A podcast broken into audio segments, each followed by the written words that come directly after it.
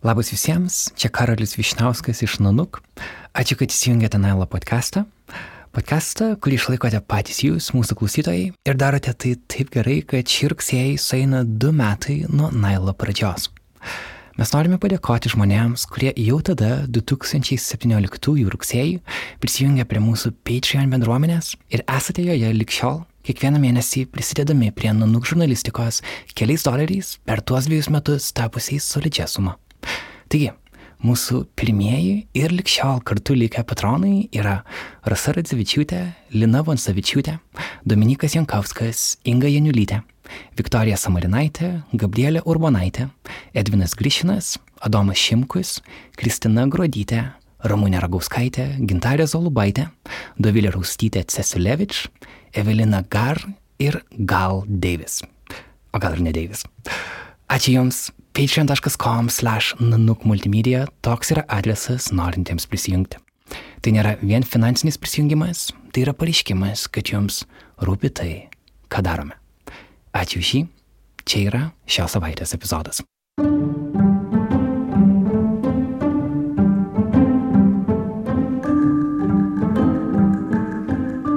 Šiuolaikinė žurnalistika reikalauja labai greito darbo tempo. Ir aš dažnai girdžiu ir pats papuolu kartais į tą verpetą, kada tu darai temas. Tu nebendrauji su žmonėmis, tu nesigilini į istoriją, tu tiesiog darai temas. Dirbdamas čia, dirbdamas su Naila, galiu kurti podcastus temomis kaip darbo sąlygų žaidimo industrijoje ir daryti ne tiesiog temą, bet ant jos uždėti žmogišką veidą įsigilinti į žmonių istorijas, asmeninės istorijas, būtent dėl to, kad aš turiu daugiau laiko tą daryti.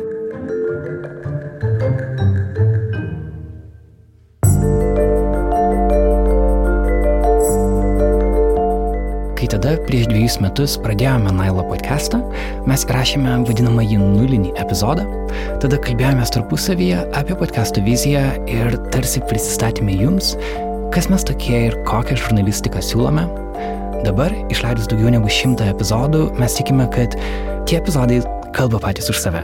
Jūs jau turbūt nusprendėte, ar jums eis pakeliui ar ne. Ir jeigu dabar klausote, įtariu, kad jums yra pakeliui. Bet iš ties, mes gan retai įsileidžiame jūs į vadinamąjį behind the scenes procesą ir šiame epizode mes norime tai padaryti. Norime papasakoti, ką mes planuojame rudenį ir kaip atrodo mūsų dienos, kada jūs mūsų negirdite. Sustikome Kaune, Šančiuose, pas vieną nanukį kuriejų, multimedijų žurnalistę Bertą Tilmantaitę. Taip pat prisijungė Artūras Morozovas ir Karolis Pilypas Liutkevičius. Gero klausimo.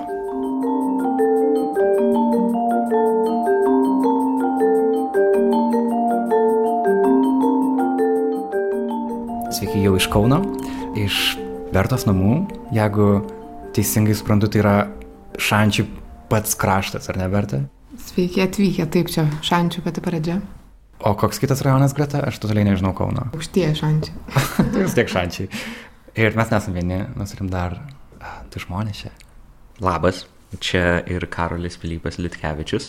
Sveiki, Artūras, taip pat šioje kompanijoje. Snikam čia turėdami tam tikrus vos nejubiliejus.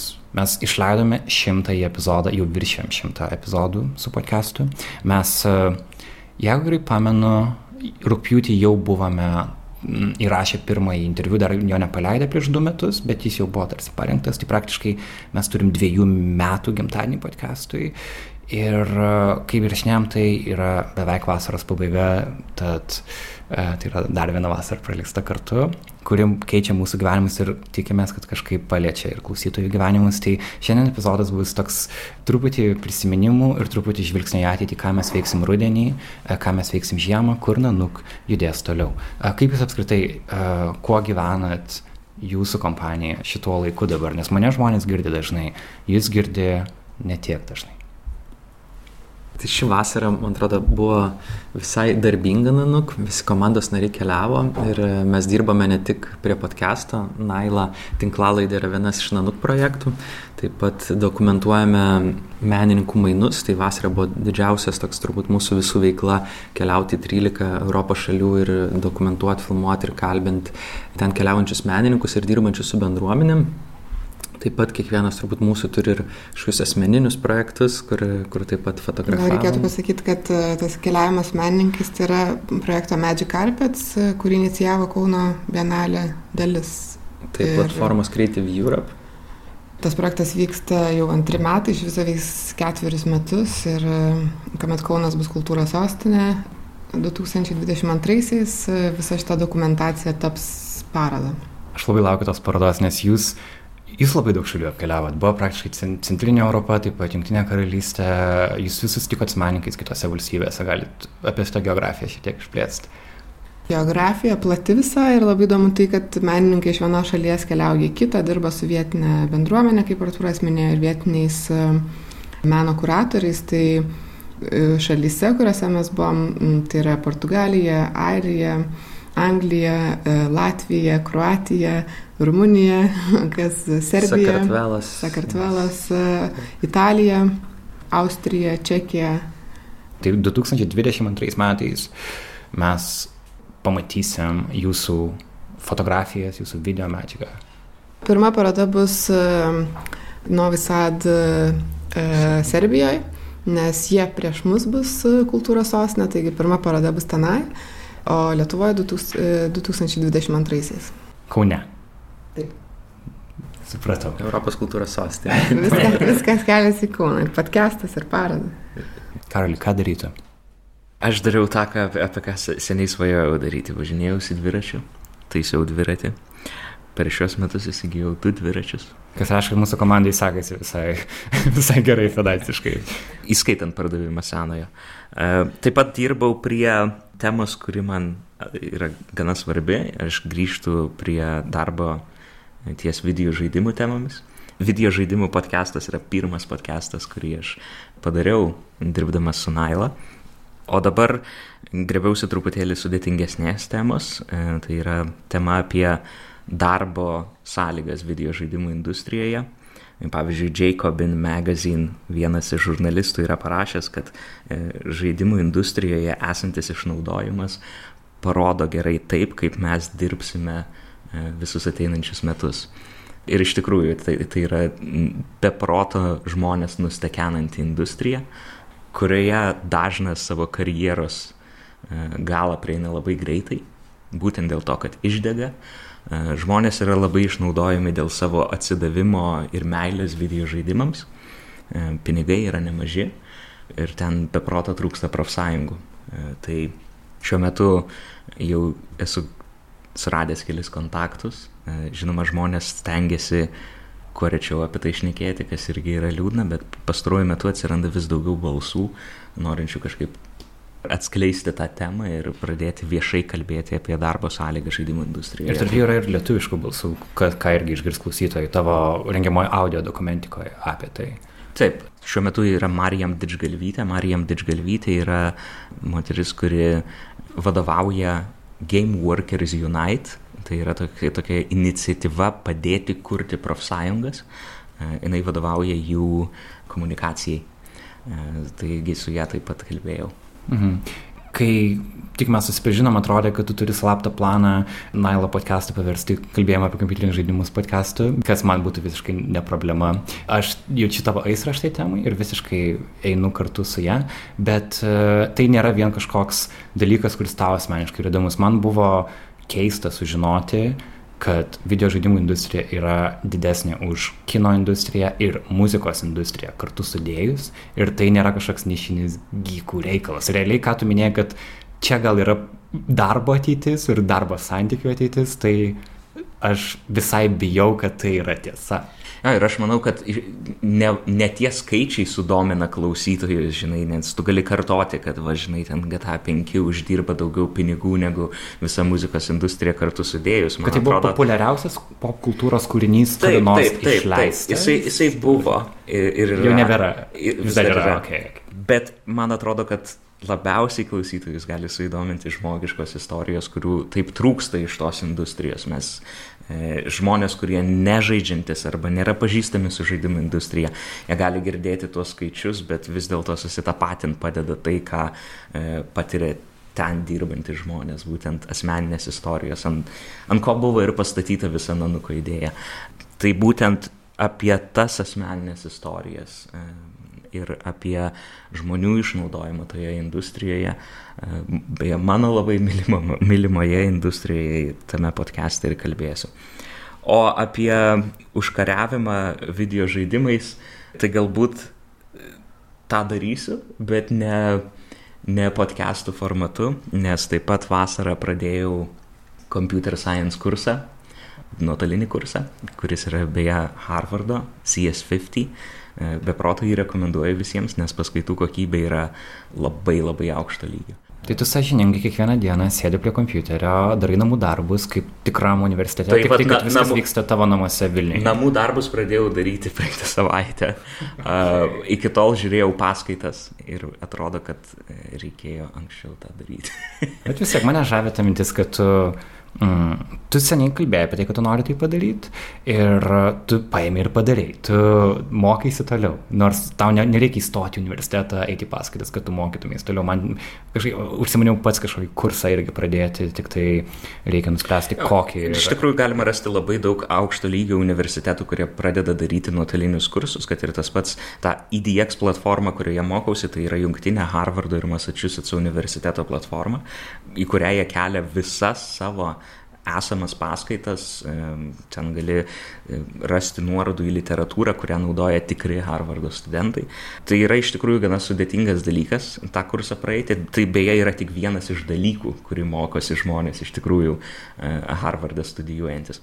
Tas kursas, kurį aš dabar einu. E, Bet jis yra sudėtingas. Ir jeigu tu nori gauti sertifikatą, tu turi jį pabaigti, e, turi nusiųsti užduotis ir tas užduotis patikrins e, tie patys dėstytojai, kurie dėsto studentams ten. Ir aišku, tos platformos atsirado būtent dėl to, kad visi universitetai suprato, kad jeigu Amazonas nusisamdys dėstytojus ir padarys savo universitetą, e, tai yra labai, planų? labai, labai greit visas nušluos. Aha. E, Tai galima rasti, tik, šiuo metu galima rasti tikrai labai kokybiškos e, edukacinės, akademinės medžiagos e, nuotoliniu būdu. Labai įkvėpia. Tie kursai kainuoja turbūt, ar ne? Bet 90 eurų, jeigu tu nori pabaigti ir gauti sertifikatą, o jeigu nenori gauti sertifikatų, nori tiesiog pasižiūrėti visą medžiagą, jie yra nemokami. Tai ta, viskas, visa tai yra pasiekiama visiems klausytojams irgi. Mane tai įkvėpia. Aha. Tiesiog noriu pasidalinti, kad prieš keletą metų irgi e, studijavau online apie minorities in the news, apie mažumų e, teisės ir kaip apie tai kalbėti. Ir, Minorities in the news. taip, kaip, aha, kaip, kaip kaip, žiniasklaidos. kaip kalbėti, Aha. ar ne, apie tai. Ir ne tik, kad e, gavau kažkokios informacijos naudingos, e, bet e, taip pat gavau galimybę keliauti į Keniją ir tenai kurti istorijas. E, Tai iš tikrųjų tai yra labai didžiulis, daug ir daug galimybių ir mm, didžiulis spektras paskaitų esu darius ir mokiausi ir apie tai, apie tą Interactive Storytelling 360, VR, IR, visą tai, ko negali gauti čia, nu, pavyzdžiui, ypač Lietuvoje, fiziniam universitete galima gauti online. Ja, reikia nenustot mokytis. Čia, čia yra pabaiga, kurią, kurią aš gaudau. Aha, e, Berta, tu irgi jau esi pradėjęs šiek tiek rudens epizodų, jau tu esi padaręs pirmus įrašus, gali papasakoti, apie ką jie yra. Taip, kažkaip atrodo, kad visai rudens pradžioje bus nemažai mano mm, epizodų balso. ir mano balso. E, kas yra įdomu dėl to, kad kaip mes pradėjom Nailą prieš porą metų, aš galvojau, jog prisidėsiu tik tai fotografijom ir video, kad tai yra visiškai ne mano dalykas ir kad aš tik klausysiu, bet e, nieko nedarysiu, bet e, padariusi pirmą interviu pajutau tą tokį kažkokį didžiulį e, išlaisvinimą. E, Ir mane labai, labai gerai veikia tai ir labai džiugina tas tiesiog grinas pokalbis, kai tu neturi galvoti apie vaizdą, mm, neturi galvoti, kaip vaizdu perteikti istoriją, e, tau visiškai atsiriša rankos ir esmė yra tavo pasiruošimas ir gebėjimas kalbėti ir prakalbinti žmogų. Tai nuo, nuo pat pradžių sukasi kelios temos, galvoju visoji komanda, apie ką mes turėtume kalbėti, kaip mes turėtume kalbėti. Ir um, keista, kad per tuos du metus mes labai mažai dėmesio beveik neskyrėm visiškai LGBTQ bendruomenės e, problematikai. Nors man ta tema yra svarbi ir įdomi, ir aš jau senai e, buvau tarsi ir pradėjęs tokį mažą dokumentinį projektą, kuris ne, neišėjo dėl to, kad buvo sudėtinga rasti žmonių, su kuriais e, būtų galima apie tai kalbėti. Žmonių buvo, bet po to viskas nutrūko. Tai šiemet e, ta, ta tema bus pas mus kalbama ir vietoj vieno epizodo, kuris buvo planuotas, jau yra įrašyti du. Mes galvom, jog tai bus vienas epizodas iš keletos pokalbių, bet tie pokalbiai buvo tokie įdomus, asmeniniai, atviri, išsamus, kad tiesiog ne, nekyla rankos juos kažkaip karpyti ir trumpinti ir juos e, mes leisim kaip tiesiog atskirus, atskiras e, dalis tą temą. Ir ten bus kalbama ne tik apie tai, kas, kas vyksta šiandien, bet e, pradėsim nuo 80-ųjų, 70-ųjų, kai LGBTQ um, Oficialiai nebuvo. Oficialiai nebuvo ja. tai žm, tų žmonių nebuvo. E, bet visgi jų istorijos yra ir jos yra įdomios ir svarbios. Pirmas epizodas po šito ir bus apie tai. Jo, aš turėjau džiaugsmą jį perklausyti iš anksto. Atrodo, kad LGBTQ tema domiuosi, bet tuo pat metu supratau, kad mano tas mąstymas ir pažinimas yra pakankamai toks mileniališkas, toks vat, apie tai, kad mano karto žmonių istorijos, o interviu, kurį gavai tu, su Vilnius Queer festivalio Kreivės organizatorių pagalba, yra 63 metų vyro, kuris virš 40 metų gyvena su savo draugu ir tada supranti, kad netgi jo požiūris tam tikrus queer bendruomenės klausimas galbūt yra kitoks negu mūsų karto žmonių ir labai gera matyti, kaip podcastas netampa vien uh, milenialų reikalų, nes man buvo tokia rizika, gal pačioje pradžioje prieš du metus atrodo, aš tiesiog žinau tiek daug istorijų, bet jos visos yra iš, iš žmonių, kurie yra panašus į mane amžium, miestų ir panašiai. Aš džiaugiuosi, kai mums pavyksta iš to ištrūkti. Uh, galim klausyti mažą gabaliuką galbūt iš to. Tokio. Dar tik pridėsiu, kad apie tą amžių ir tą atspindėjimą kartu, Aha. kad iš tikrųjų, jeigu pažiūrėsim į Irenos Veisaitės epizodą, Antano Sutkaus ar Jono Meko, tos vyresnės kartos žmonių, kad jie iš tikrųjų yra labai gerai klausomi ir kad ta jaunoji karta. Nors mūsų auditorija pagal statistiką yra jauni žmonės, jie yra panašus į mus, bet tai nereiškia, kad mums įdomus. Kad tik, tik tai turim tai kalbėti. Taip, tai man tas interviu irgi buvo iš tikrųjų labai, labai svarbus, turbūt vienas įdomiausių, galbūt stipriausių kažkokių pokalbių, nes jis buvo tikrai labai atviras. E, mes ir verkiam kartu, ir juokiamės nemažai gaila, kad jis turbūt bus e, anonimiškas. Mm. Su pakeistu balsu. Ką tai reiškia podcastuose? Um, dėl ko nu, nukentės ta visa, galbūt klausimo. Taip, nukentės ta visa klausimo patirtis, bet tai, manau, irgi yra papildoma informacija. tai, jog mes turim ten keisti balsą papildoma informacija auditorijai. Kad... Ir jūs daug kalbėjote apie tai, kodėl, ar verta išsiviešinti, kam reikalingas anonimiškumas. Ir jūs turėjo poziciją kuri man pasirodė suprantama. Aš manau, kad kartais iš tikrųjų ta pozicija iš tikrųjų yra tokia mm, priimta dėl to, kad atrodė, jog kitaip negalima. Aš manau, kad čia toks netgi e, truputį, kadangi tu turėjai gyventi tyloje, tu paskui tą tylą pradedi labai vertinti ir ją netgi idealizuoti ir manai, kad tai yra geriausias sprendimas tai yra tam tikras aplinkybių prieimimas ir paskui apvertimas taip, kad, kad um, paverstum jas tarsi kažkokiu um, Teigiamų dalykų. Teigiamų dalykų, mhm. taip, čia toks, manau, ir psichologinis momentas, bet, bet kaip bebūtų, visa tai irgi yra istorijos dalis, kurią svarbu žinoti auditorijai. Be abejo, paklausykim šiek tiek. Buvo labai didelė tokia vasariška liūtis. Ir aš per, per liūtį, liūtį prakentėjau namuose, o po liūtės nusileidau į, į kiemą ir laukiau, kol susirinks visi kiemų draugai ir mes vėl gyvensim savo gyvenimą. Tačiau aš nusileidžiu ir kiemas visiškai tuščias. Na, visi dar turbūt pietauja ar, ar dar kažką tai su lėlėm ir su mašinėlėm žaidžia. Ir aš iš nuobodumo nuėjau ne į mūsų namo kiemą, bet iš gatvės pusės. Ir aš stovėjau ir žiūrėjau į tuščią tuštutėlę gatvę visiškai. Ir iš labai labai toli, kadangi tiesi gatvė, tai iš labai, labai toli matėsi viskas, Ir aš mačiau, kad ateina vyriškis.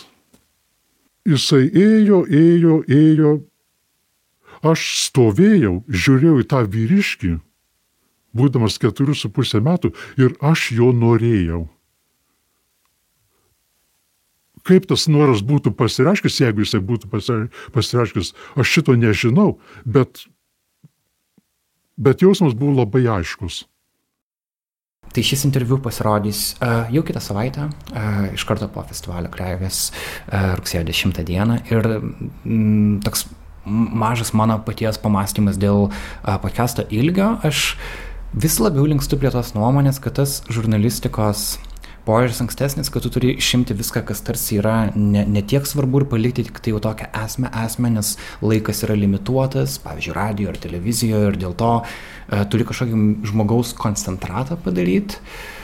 Man atrodo, tas kartais veikia, bet kartais valandos, dviejų pokalbis su žmogumi ir tiesiog buvimas tarsi pas tą žmogų į svečius nuėjus, irgi veikia. Kartais suveikia taip, kaip tas koncentratas negali suveikti. Pavyzdžiui, jeigu nueini pa žmogų į svečius, tu nepraleidi su juo 30 minučių ir neskai, kad pasakyk dar man viską ir nieko, kas yra tik šalutinė informacija. Taip nebūna, pokalbis pamažu pasiekia tą centrinę informaciją ir dėl to aš nežinau kaip ir klausytam, gal kitus tikrai erzina ilgis epizodų, bet aš klausydamas būtent tokius vienas ant vieno pokalbių podcastus, uh, man jie gali trukti ilgai. Jeigu man, aš esu tame pokalbį, aš noriu, kad jis nesibaigtų. Mm, labai priklauso turbūt, šiaip įdomus sprendimas ir aš dabar nesnei klausiausi podcast'o On Being vadinasi.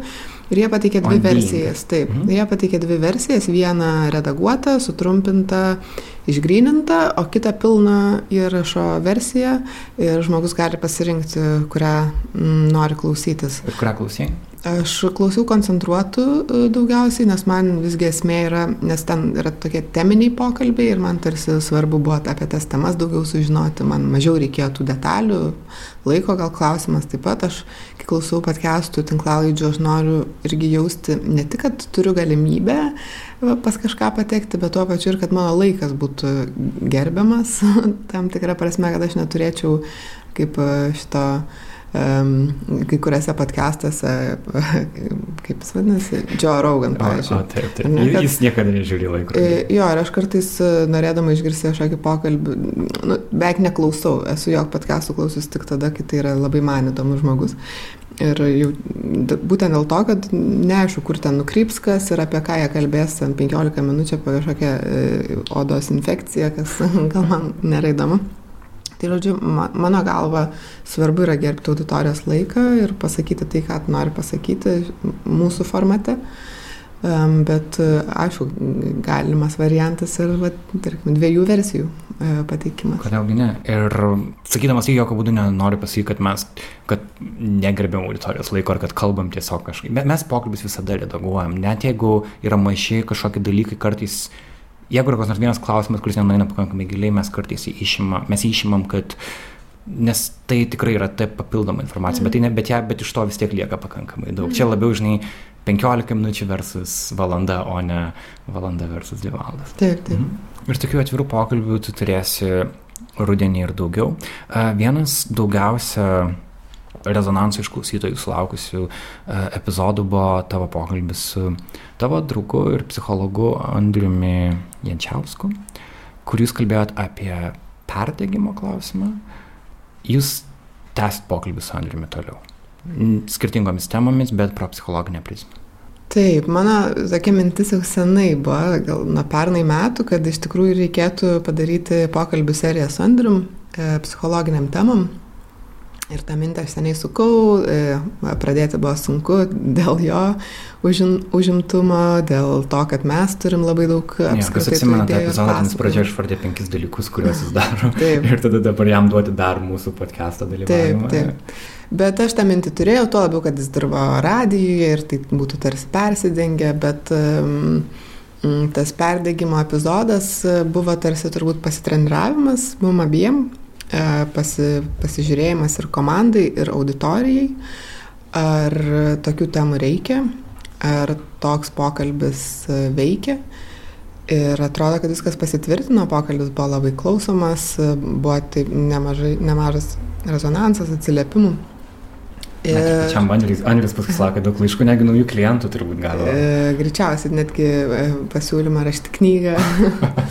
E, žodžiu, kad, kad taip, taip, tas pokalbis buvo toks um, sulaukęs, e, sukėlęs kažkokias uh, bangeles ir, ir natūraliai atrodo, kad reikia tą tęsti. Ir mes per vasarą šiek tiek apie tai pakalbėjom, sutarėm atskirai pagalvoti temas, kurias mes norėtume kalbėti ir po to, kai pradėjom aptarinėti tas temas, pasirodo, kad jos sutampa visas. tai reiškia irgi, kad yra kažkokie uh, E, dalykai turbūt svarbus tvyrantis ore, apie kuriuos e, mums rūpi pakalbėti. E, tai va, tai vakar buvom susitikę, aptarėm pirmą temą ir nuo jos mes atsispirsim ir rašinėsim rugsėjai. Super, užduosi temą? Ši bus iš tikrųjų labai įdomi tema. Labai sudėtinga. Žaidimai ir asmeninė sveikata. E, ne, ši, aš tau šitą žaidimus paliksiu tau, mes kalbėsim galbūt apie šiek tiek kitokio pobūdžio žaidimus. Tema, jo, tema bus labai iš tikrųjų įdomi, e, labai plati ir mes vis dar bandom susivokti, kaip ją pradėti narplėti. Ir Andrius juokavo, kad galbūt čia tas mūsų epizodų serija iš tikrųjų bus neskirtingom temom, bet viena tema kelia serijos kas sezoną, tai gali ir taip atsitikti. Pragarą ratai, kaip ta keliauja. Gali, gali ir taip atsitikti. Ir tu taip pat uh, turi suplanavus kelionę. Uh, tu nebūsi visą laiką šančiuose. Taip, taip. vasara, vasara buvo šiaip irgi tokia visai nemažai tų kelionių, ne tik su Magic Carpets projektu, bet pagaliau uh, buvo daugiau laisvo laiko tiesiog pabūti, pakeliauti po Lietuvą o rugsėjo 25 išskrendu į Peru, e, į savo tą mėgstamiausią e, Latino Amerikos regioną ir šį kartą Peru. Visiškai netikėtai, bet e, tokia labai maloni staigmena. Mane pakvietė Lietuvos atstovybė prie UNESCO keliauti tenai į į konferenciją.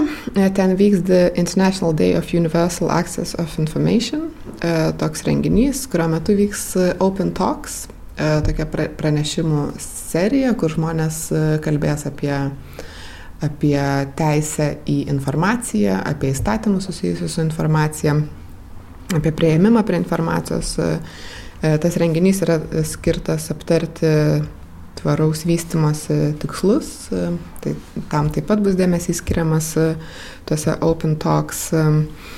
Ir aš ten skaitysiu pranešimą apie mūsų veiklą, nes Jie, jie norėjo apie, apie mus ir tai, ką mes darom, išgirsti kaip apie pavyzdį, ir, kur, kuris būtų galimas pritaikyti besivystančiose šalise, kaip kurti nepriklausomą dokumentinį žurnalistinį turinį, atitinkantį aukščiausius etikos ir industrijos standartus ir kaip padaryti tą turinį prieinamą visiems. Tai, kad, pavyzdžiui, mūsų turinys yra nemokamas, kad mokėjimas yra pasirinktinis, ar ne, ir tai, kad Mūsų turinys yra naudojamas mokyklose kaip edukacinė medžiaga.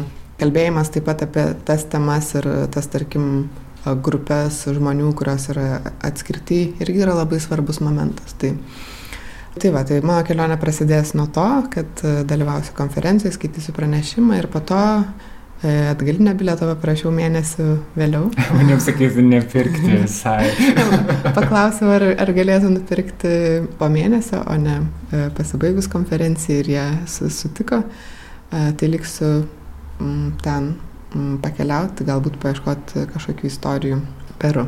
Parvešiu lauktuvių jėga. Čia yra, yra įspūdinga sužinot, kad e, tai, ką mes darom čia e, šiandien šančiuose, gali nukelti realiai kitoje pasaulio pusėje rezonuoja žmonėm ir jie nori iš to kažką išmokti. Ir mes be abejo iš jų išmokstam taip pat. Taip, toj konferencijoje dalyvaus labai daug šalių, um, labai daug atstovų iš tų besivystančių pasaulio šalių. Tai uh, pernai konferencija, pavyzdžiui, vyko Tunise, uh, šiemet Limai. Tai bus labai įdomu pasidalinti patirtim ir aišku išmokti pačiai kažką ir sužinoti kalbėsi, iš kitų. Kalbėsi ispaniškai ar angliškai? E, angliškai viskas vyks, bet būtų labai įdomu ir ispaniškai. Galėtum, galėtum ispaniškai. Arturai, tu mm, šiandien atstovauji ne tik save, bet ir e, Ina, mūsų kolega, su kuria jūs kartu pradėjote kurti rusiškus Nailo podcast'o epizodus. E, jų jau išleistė visai nemažai. Mes pradėjome jas leisti tiesiog natūraliai, pažiūrėti, kaip žmonės reaguos, ar kokia auditorija formuosis ir kol kas sekasi tikrai neblogai. Galbūt dalį klausytojų yra klausimas, aš pas jas susilaukęs, maždaug tai ar čia jūs ar darysit jūs lietuviškai, ar čia skirta Lietuvos rusams, ar čia lietuviams apie rusus, ar apie toks tarsi pasimetimas, nes tokio turinio tiesiog šiandien nebuvo. Būtent rusų kalba ir būtent tokiamis temomis. Bet jūs turit viziją, gali galbūt apie tai pasidalinti. Džiaugiuosi aš, kad prie mūsų tinklalaidės komandos prisijungė žurnalistė Eina Šilina, gaila šiandien nėra su mumis, bet e, jinai buvo autorė mūsų ankstesnių projektų, tai yra Kaldega Raudona apie rusų politinius pabėgėlius, taip pat e, jos projektą publikavimą tapatybę. Tikiu, kad daug kas turbūt skaitė ir žiūrėjo. Ir atsirado toks poreikis vidinis ir natūralus turiniui rusų kalba Lietuvoje, nes manau, kad pas mus labai trūksta kokybiško turinio e, rusų kalba, Lietuvos Lenkų bendruomeniai, Rusų bendruomeniai, e, taip pat apskritai tai mes kalbame ir apie Baltijos visas šalis, kalbame apie Baltarusiją, kuri, kurios jaunimas ir e, apskritai vyresnio amžiaus žmonės dažnai labai atvažinėja į Vilnių ir podcastas taip pat yra ta, ta tokia, kaip pasakyti, be sienų erdvė, kur galima klausyti, nesvarbu, ar tu esi jaunas, sakykime, jaunuolis augantis rusakalbių šeimoje Lietuvos regione, ar, ar esi už sienos gyvenantis Baltarusijoje ar Kaliningrade. Tai mes bandome šią nišą užpildyti, tai yra kurti kokybišką turinį rusų kalba ir kažkaip džiugu, kad tie pirmieji keli įrašai jau susilaukia tam tikrų reakcijų ir nemažai ir sulaukia atsiliepimų kažkokių, tai tas labai džiugu. Jie ir toliau tęsis, bus, bus atskiras, turbūt atskira jam platforma, Jo, šiuo metu jie keliauja į vieną bendrą srautą kartu su lietuviškais epizodais ir šiek tiek esame angliškų epizodų išleidę. Turbūt ilgainiui pabandysim juos atskirti ne dėl to, kad norėtumėm rusiškus uždaryti kažkokį rusišką erdvę, bet dėl to, kad jie tiesiog būtų aiškiau, pas, aiškiau pasiekiami ir kad, tokia, kad, kad Ina pati turėtų daugiau laisvės kurti podcast'o identitetą, ir, nes dabar jį tarsi naudoja tą, ką mes kūrėm seniau, bet ji savo vizijas taip pat turi. Šiuo metu publikuojame Inos projektą apie uh, rusų kultūros atspindžiai Lietuvoje, tai kalbiname įvairius žmonės, Lietuvos kultūros veikėjai ir uh, bandoma suprasti, kiek yra tos rusų įtakos arba rusų kultūros tos svarbos ir to tokio grūdo uh, pas mus ir kiek mes esam susijęs su, su tuo ir galima anonsuoti, kad turbūt naujame sezone turėtų būti e, tinklalaidžių serija kaip pratesimas projekto Kaldega Raudona apie rusų politinius pabėgėlius. Ir jeigu šis projektas e, kalbėjo apie savotiškas sėkmės istorijas, apie žmonės, kurie yra perskeliami Kremliaus režimo ir kurie pasirenka saugius namus kaip Lietuva, čia yra priimami, jiems suteikiama, e, suteikiamas pabėgėlio statusas, Tai iš principo tai yra beveik vis, visos tos istorijos apkalbėtos ir publikuotos buvo sėkmės istorijos. Ir dėja Rusijoje situacija nesikeičia, jinai blogėja, kalbu ne tik apie Rusiją, apie, bet ir apie Tadžikistaną, apie Čečienijos regioną, kur taip pat iš ten sulaukime pabėgėlių ir norisi kalbėti ne tik sėkmės istorijame, bet parodyti iš tikrųjų, kokie, koks yra sunkus pabėgėlio e, kelias, pabėgėlio pasirinkimas, kokia tavęs gali laukti sudėtinga ateitis ir kad tai turi būt, turėtų būti kraštutinė priemonė nuspręsti palikti šalį savo, nes dažnai kelio atgal nėra ir nebus turbūt ilgą laiką žmonėm, kurie išvažiuoja. Tai taip pat bendradarbiavame su rusų žurnalistais, e, su laisvosios žiniasklaidos atstovais, kurie daro neįtikėtinus dalykus. Tai yra, tai Rusijoje egzistuoja tokia turbūt tyriamoji žurnalistika e, tokiamis sąlygomis sudėtingomis. Tai vat, bus mūsų partneriai, kur taip pat kalbinsime žmonės Rusijoje, užsienio kitose šalise, taip pat Lietuvoje ir parodysim turbūt tos sudėtingesnius e, pavyzdžius, sudėtingesnius atvejus, kada, kada žmonės tampa pabėgėliais arba nespėja jais tapti arba tie, kurie pasilieka gyventi Rusijoje ir toliau kovoti, tai taip pat bus toks laidų ciklas, tikiu, kad bus įdomus.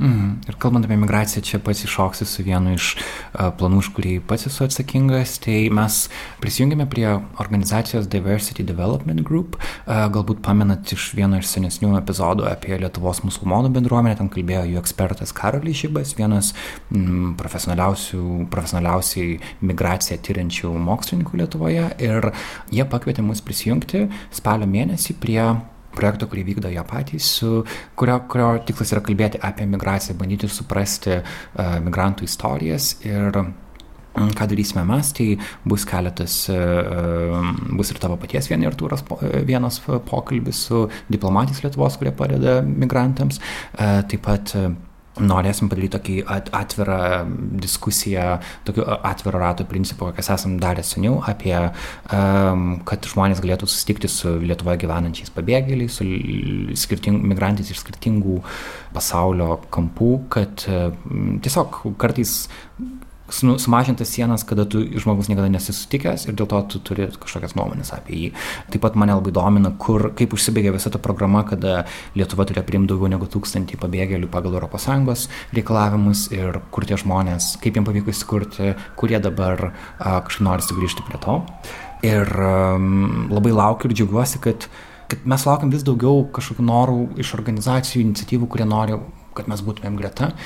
Mes ne su visais galime bendrauti dėl to, kad turim savo laiko žmogiškus limitus, bet šitas man pasirodė labai svarbus ir tinkantis į podcastų formą, tai džiugiuosi, kad, kad visą tai vyks spalio mėnesį. Taip, ir vienas iš dalis šito projekto ir bus mano vienas viena iš tinklalaidžių epizodų apie tą nematomą Lietuvos diplomatiją, kur dirbdamas temomis susijusiamis Rusijos opozicionieriais, aš matau tą nematomą tokį tikrai mūsų pareigūnų, institucijų, e, žmogaus teisų gynėjų darbą neįtikėtinomis sąlygomis, kurie, kurie padeda ten gyvenantiems demokratams, persekiantiems Kremliaus režimo ir ar ten Tadžikistane, e, sakykime, ir, ir labai norisi apie tai papasakoti, apie tai iš tikrųjų visą tą nematomą realybę Lietuvoje, kuri vyksta ir man atrodo tai daug ką sako apie mūsų e, šalies ir institucijų brandą, apie žmonės, kurie taip dirba, kurie gali sudėtingomis sąlygomis iš tikrųjų savo savo net aukodami savo laisvą laiką, savo gyvenimą iš dalies padėti ir stiprinti kaimininę šalį.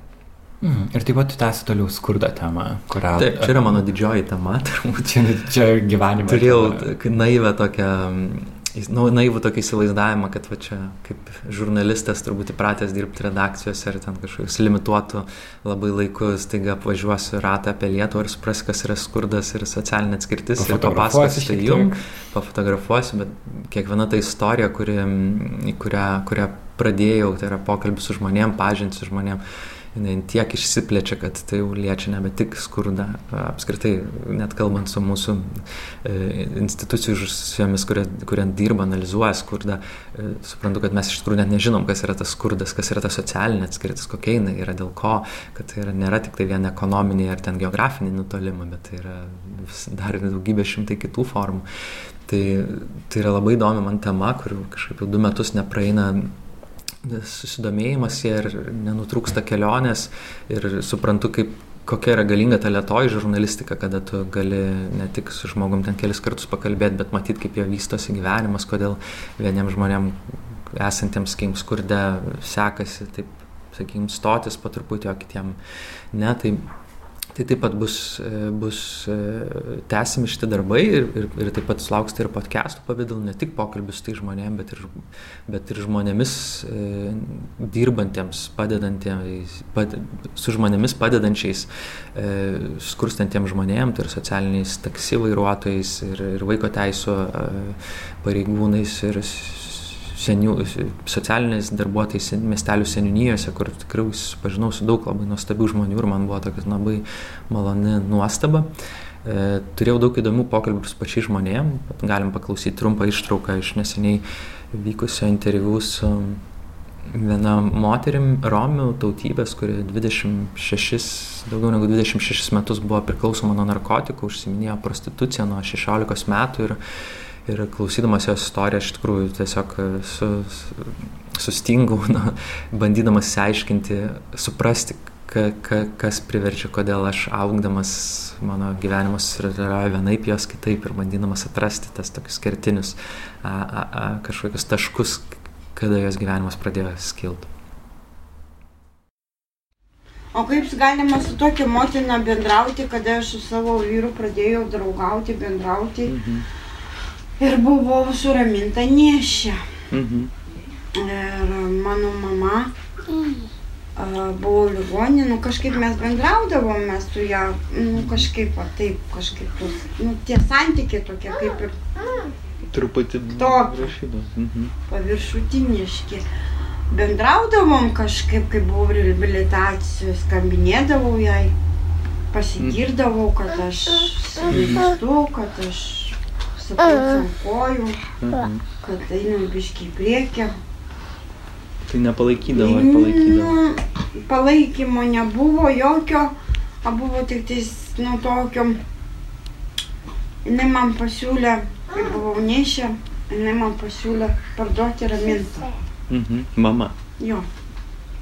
Sako, nori turėti savo būtą, turėti savo pinigų, turiu tokią iš užsienio pažįstamą tokią, turi savo viešnamį. Mhm.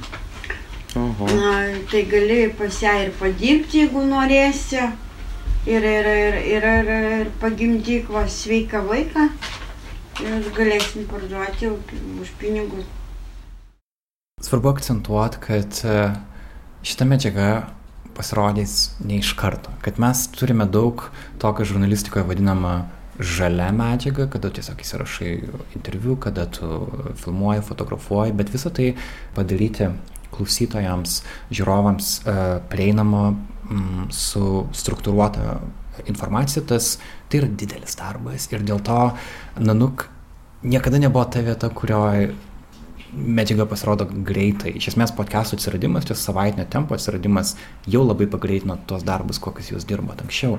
Bet uh, kartais klausytojų komentarų jaučiu tą lūkestį, kad, na, kada paleisit šitą, kada paleisit tą. Ir nėra taip, kad mes tiesiog laikom ir savo niekam nenorim duoti paklausyti. Jokių būdų. Bet dalykai užtrunka. Taip, man atrodo, visa mūsų komanda yra tame profesionalumo lygyje, jau kada mums nebeišeina ir nebesinori paleisti, sakykime, temų ar pasakojimų ar, parodyti fotografijų paskubomis. Mes iš tikrųjų daug ir analizuojam visi kartu ir galvojam, ko trūksta, ko dar, kad tą temą, epizodą ar fotografiją iš tikrųjų parodyti tokią, kokia jinai turi būti.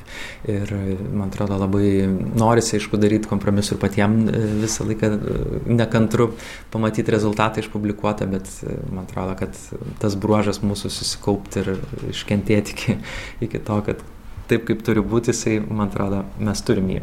Kartais svarbu ir neišleisti kažko, jeigu tai yra nepakankamai gerai padaryti, arba mes jaučiam, kad mm, kažkas kažkas čia ne taip, galėtų būti geriau arba turėtų būti geriau, tai gali būti ir tai, kad kažkas ir, ir neišeis arba bus, bus daroma iš naujo. Mm, be abejo, man primena tai uh, iš laikų, kada uh, rašydavau, kalbėdavau apie muziką, kaip muzikantai skaudžiai atmesdavo, turėdavo atmesti kažkokias idėjas, kurios uh, galiausiai ne, na, jausdavo, kad netinka, kad, e, kad neišpildytos iki galo ir iš pradžių tas būdavo jiem labai gaila ir dažnai dėl to pirmi kažkokie albumai būdavo tie, kur sudeda viską, ką, viską, ką moka.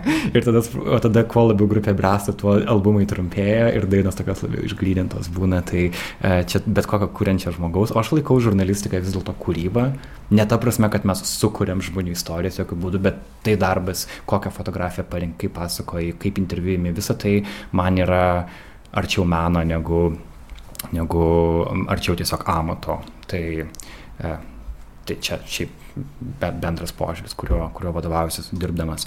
Ar turi dar kažką pridurti? Ne.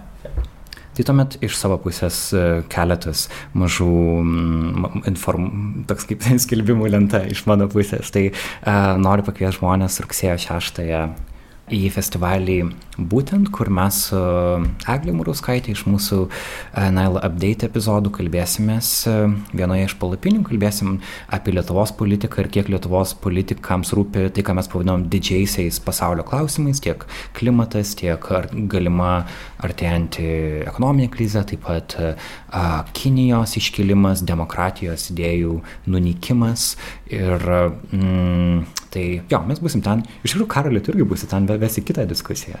Taip.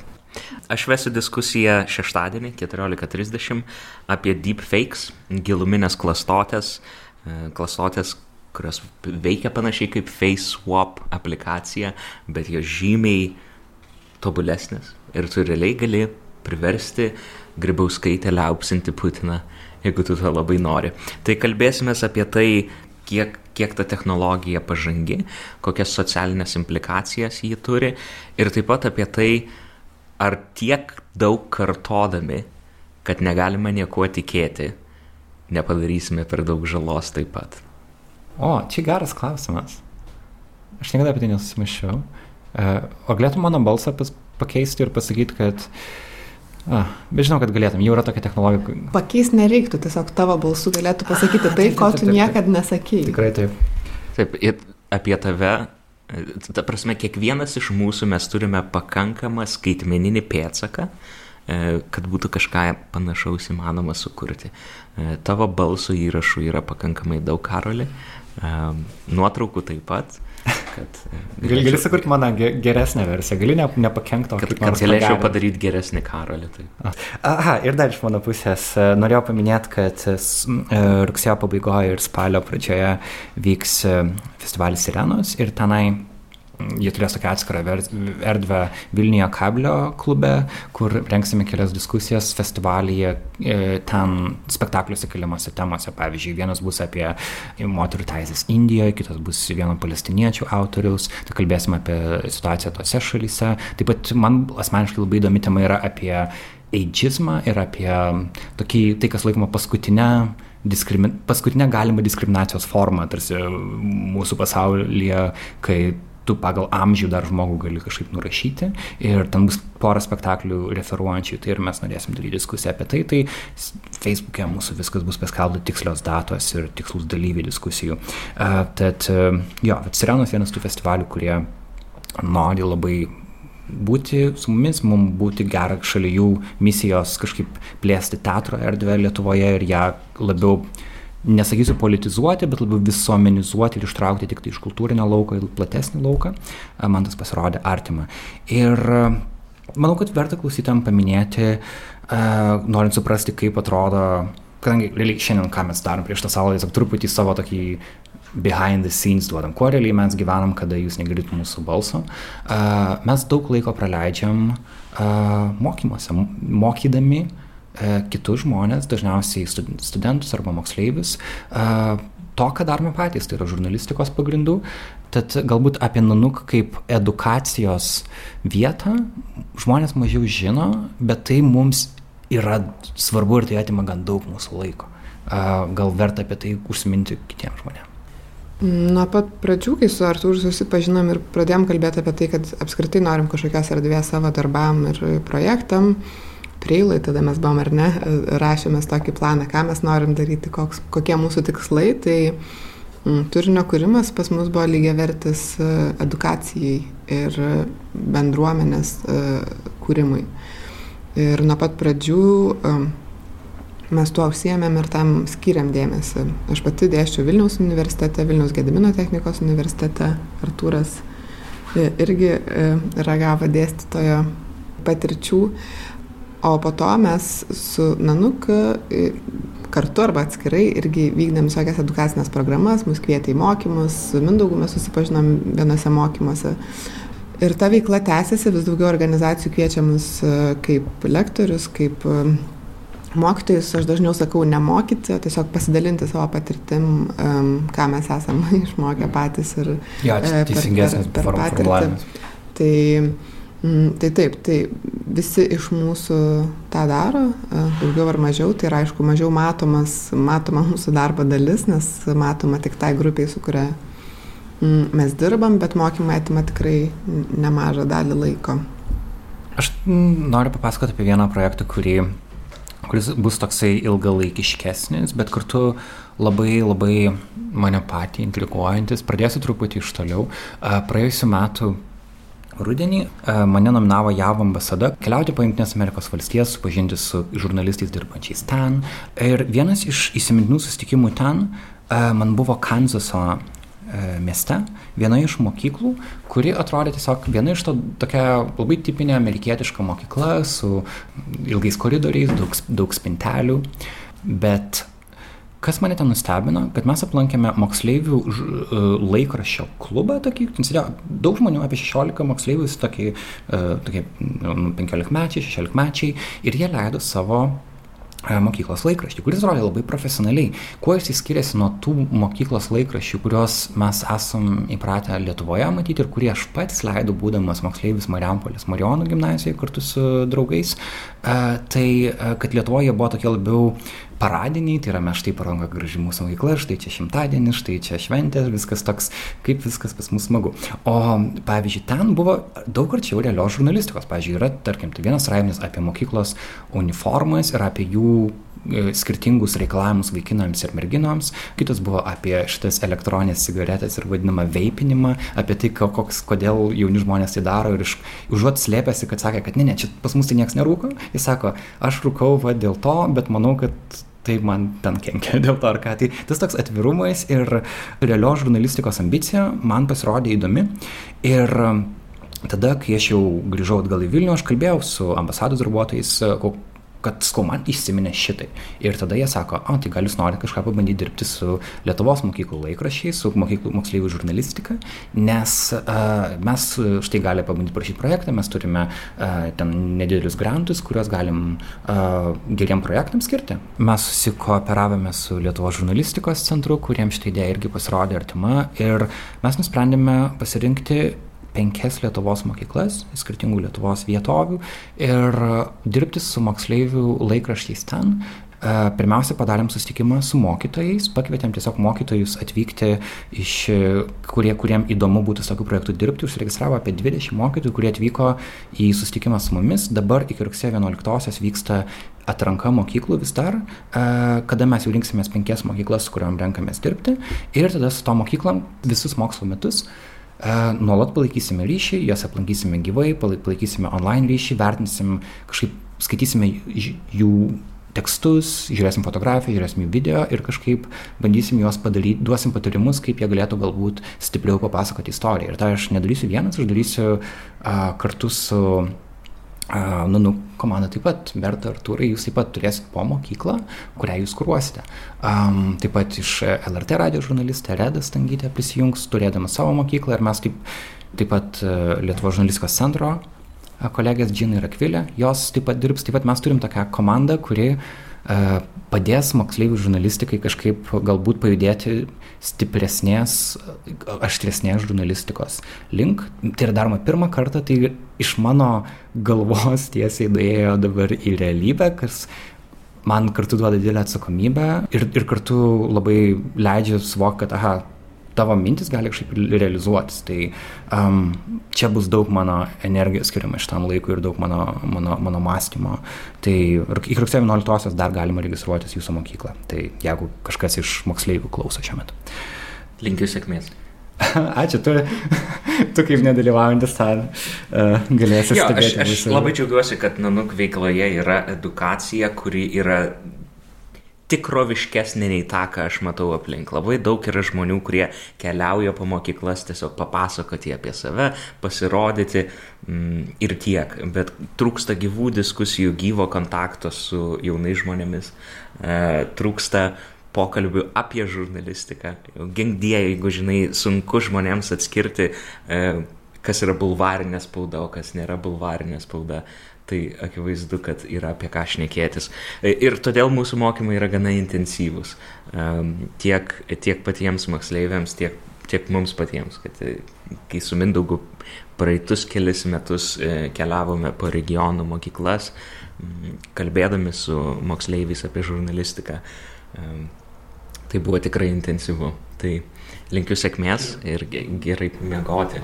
Dėkui. Man atrodo, kad dar bent kiek aš dalyvau mokymuose, kad jie nėra tokie vienakrypčiai, tai nėra mm. tai, kad mes daliname savo patirtimi ar atsakome Taip. kažkokius klausimus, jeigu tai liečia mūsų temas, bet mes taip pat labai daug pasisėmėm ir daug sužinom iš jų, važinėti po kaimus, po mokyklas, susitikinėti su okay. regionų bendruomenėm. Tai yra nu, nepaprastai įdomu žinot, kaip žmonės gyvena, kokios jų problemos. Vat vakar mes sėdėjom su 20 mokytojų Vilniuje ir buvo labai įdomu klausyti jų, kuo jie gyvena, kaip, kokie yra jų santykiai su mokiniais ir, ir kaip šita vat, dabartinė moksleivių karta, kokia jinai yra, kaip, kaip kad va, tas susidūrimas tarp vyresnės mokytojų kartos, kokie vyksta. Jo, tai, ir labai įdomu tai pralaužti tą fasadinį ledą ir nueiti iki tikrų istorijų, nes dalis mokytojų tenais e, atvykusių su mumis supažinti, jie sakė, kad viskas kaip ir tvarkoja, mes turim kažkokį žurnalistikos burelį, mes leidžiam laikraštį, bet, žinot, sako, mum ir pačiom, jau ten daugiausia buvo moteris mokytojas, sako, mum ir pačiom neįdomu kažkaip, sako, būtų smagu, kad jūs kažkaip pa, paįdomintumėt viską. Ir tada eigoje tos popietės mes pradėjom kalbėti, o apie ką būtų įdomu, apie ką reikia mokyklose kalbėti. Ir tada mes priėmėme iki tokių tikrai uh, man už mokyklą didesnių temų, pavyzdžiui, kad, tarkim, moksleiviam labai daug reiškia, kokį telefoną jie turi, tarkim. Labai statuso simbolis yra tai, ant kiek geras tavo telefonas. Ką su to daryti? Kaip, kaip, kaip geresnius telefonus, kaip važiuosim. Bet čia, toje diskusijoje buvo vien mokytojai, ar ne? E, taip, kadangi mm. tai yra pirmas etapas supažinti su mokytojais, nes jie turės būti atsakingi vis dėlto už uh, kad projektas vyktų, mes negalim sudaryti sutarties su Čia moksleiviais. Iš mokytojų perspektyvos žiūrint, taip, taip, taip, taip. tai telefonas yra statuso simbolis didelis. Taip. Jo, tai paskui bus be abejo, paskui tikslas yra atiduoti laikraštį moksleiviam. Jeigu mokytas daro laikraštį, nėra gerai. E, tai mes irgi su jais su tai sutarėm, bet pirmas etapas buvo toks. Tai jo, tarkim, pavyzdžiui, ir tas, kad ta, ta, ta daiktai kaip statuso simbolis buvo ta tema, kurią mes daug diskutavom ir ką mokykloje tai reiškia. Ir tada staiga visiems pastarė įdomu. Nors prieš tai mes sėdėjome ir galvom, ar mes randame bendrą kalbą. Tai rasta bendrą kalbą čia yra, šiaip žurnalistikos, manau, tai yra misija ir labai gera, kai jinai pavyks ir tikiuosi, kad su vaikais pavyks tai daryti.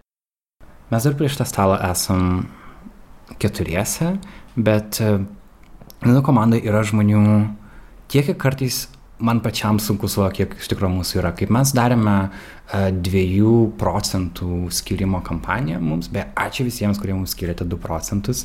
Uh, šiandien mes vis dar, čia yra tokia situacija, kad mes realiai dėl VMI duomenų apsaugos ir visko, mes nežinom, kas jūs esate. Nebent jūs mums asmeniškai parašysite, pasakysit, aš jums skiriu 2 procentus, mes, nežinau, nusiusim atviruką, padėkosim, kažką padarysim. Nes mes neturim kaip jums padėkoti, bet mes esam dėkingi Ir vykdami tą kampaniją mes tiesiog nusiselfinom, pakvietėme komandos narius nusiselfinti, buvo berots 15 nuotraukų ir 16 kvadratėlis buvo su 2 procentais. Tai jau tada atrodė, kad štai čia yra 15 žmonių, kurie dirba prie Nanuk.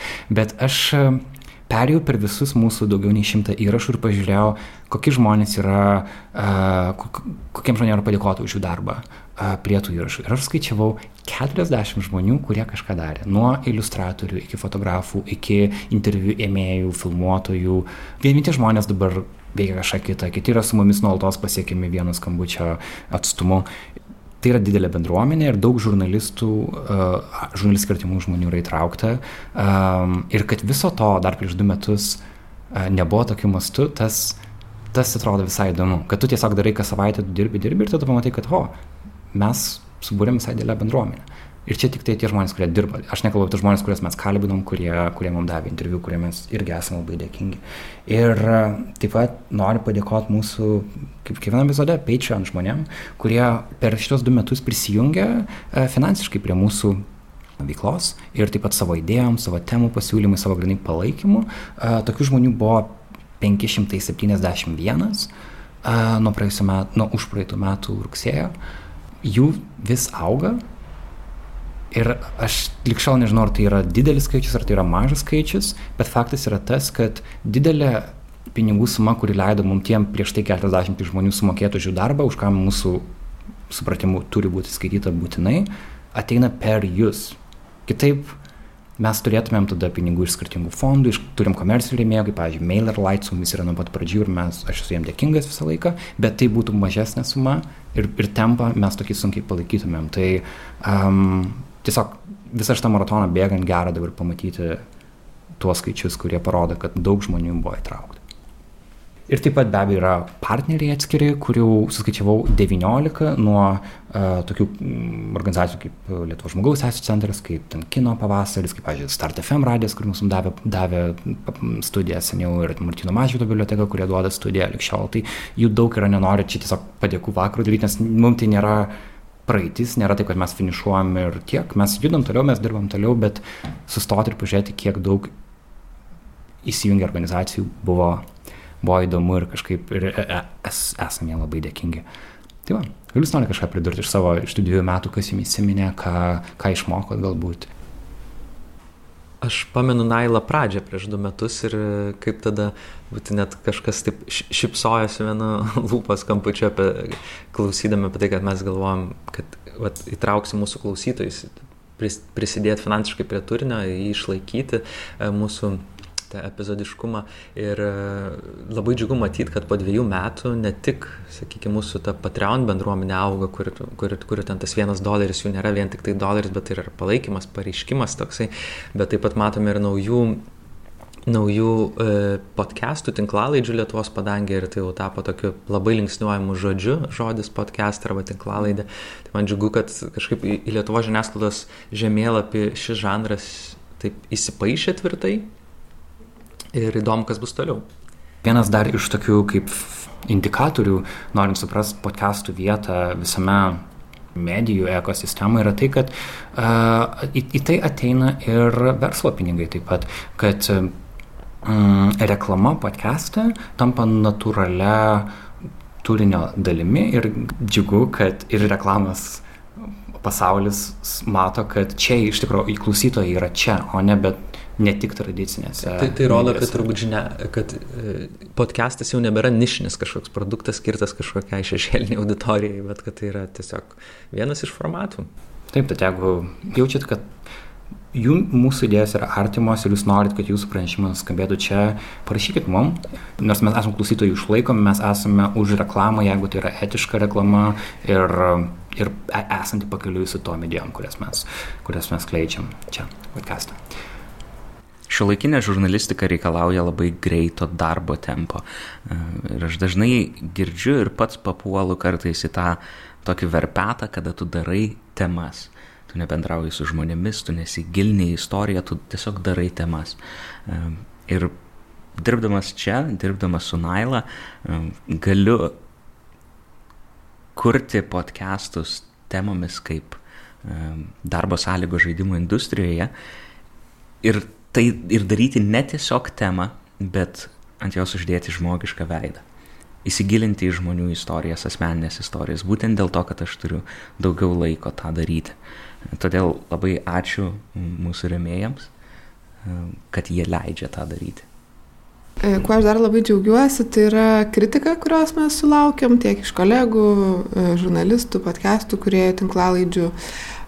Kritika yra labai svarbi e, mums visiems, vieni kitiems, nes tik tai vieni kitus kritikuodami, atkreipdami dalykus, kurie buvo padaryti nepakankamai gerai arba kažkaip klaidingai, mes visi bendrai galėsim aukti, tai mes visą laiką laukiam komentarų tiek iš klausytojų, tiek iš kolegų.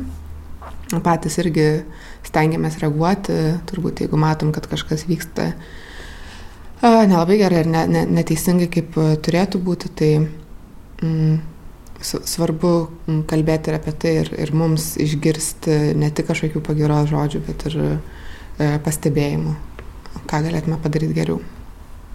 Visiškai pritariu. Atrodo, kad pačioje pradžioje mes vos ne avansų sulaukėm daug palaikymo vien dėl dar vien paskelbė, kad kursime lietuvišką podcastą, iš karto atrodė, kad daug žmonių, kurie to laukia ir uh, kad ir ką mes išleistumėm, atrodė, kad viskas visiems patinka, džiugu, kad dabar tai normalizuojasi tokį santykį, kada mes gaunam kritikos ir jie džiaugiamės ir galim tiesiog mm, dirbti toliau. Tad uh, tai mes tai ir darysim, artėjo ruduo ir mes eidam dirbti.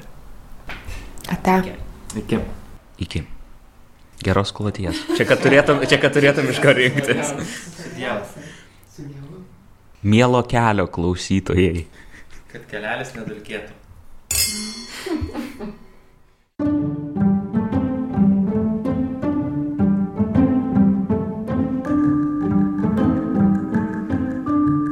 Toks mūsų epizodas šiandien. Ačiū, kad buvote kartu. Kaip girdite, Naila turi naują muzikinę temą. Ją sukūrė kompozitorius, mūsų mylimas bičiulis Martinas Gailius. Tas pats žmogus, kuris buvo sukūręs ir ankstesnąją Nailo temą, kurią girdėjote dviejus metus. Paprašiau Martiną papasakoti apie naująją temą. Štai ką jis turėjo pasakyti. Tos temos, kurias nanukai nagrinėja Nailo podcast'e, jos dažniausiai yra sudėtingos temos ir, ir jos nėra taip paprastai aptariamas, va čia taip, o čia kitaip ir viskas. Ir aš kažkaip irgi norėjau, kad tas atsispindėtų muzikoje, tai e, rinkausi laužytus ritmus, kurie dažnai keičiasi. Nėra standartiniai 4 ketvirtinės, 8 ketvirtinės, yra ten, sakot, 5 ketvirtinės, ten 7 aštuntinės ir ten visai jie mainosi, vienas instrumentas groja vie, vie, e, vienu ritmu, kitas kitu ir, žodžiu, Ir, žodžiu, viens kitą jie taip papildo, kartais išsiskiria, bet norėjau, kad visumoje jaustųsi vat, tie sudėtingi elementai sudėti į vieną, kad jie sukurtų kažkokią harmoniją.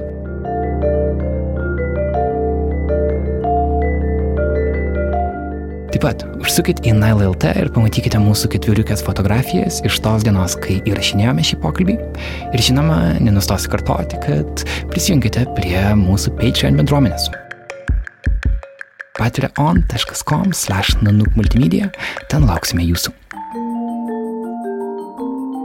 Mūsų 100 dolerių patronai yra Vitutė Sinauskaitė, Benedikto Gylio paramos fondas ir Blossom Wood Foundation.